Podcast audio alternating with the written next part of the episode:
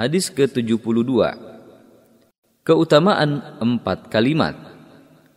عن ابي هريره رضي الله عنه قال رسول الله صلى الله عليه وسلم لأن أقول سبحان الله والحمد لله ولا اله الا الله والله اكبر احب الي مما طلعت عليه الشمس Dari Abu Hurairah radhiyallahu anhu ia berkata, Rasulullah shallallahu alaihi wasallam bersabda, saya lebih cinta untuk mengucapkan subhanallah, alhamdulillah, la ilaha illallah dan Allahu akbar daripada terbitnya matahari.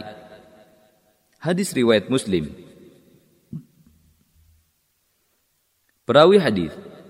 Lihat hadis nomor 13.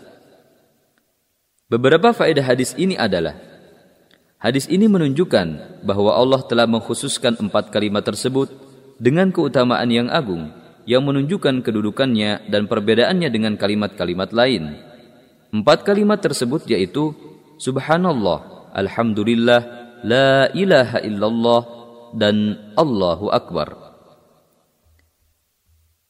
Hadis ini menganjurkan untuk memperbanyak zikir dengan kalimat tersebut yang Allah balas dengan balasan yang besar dan pahala yang banyak terhadapnya.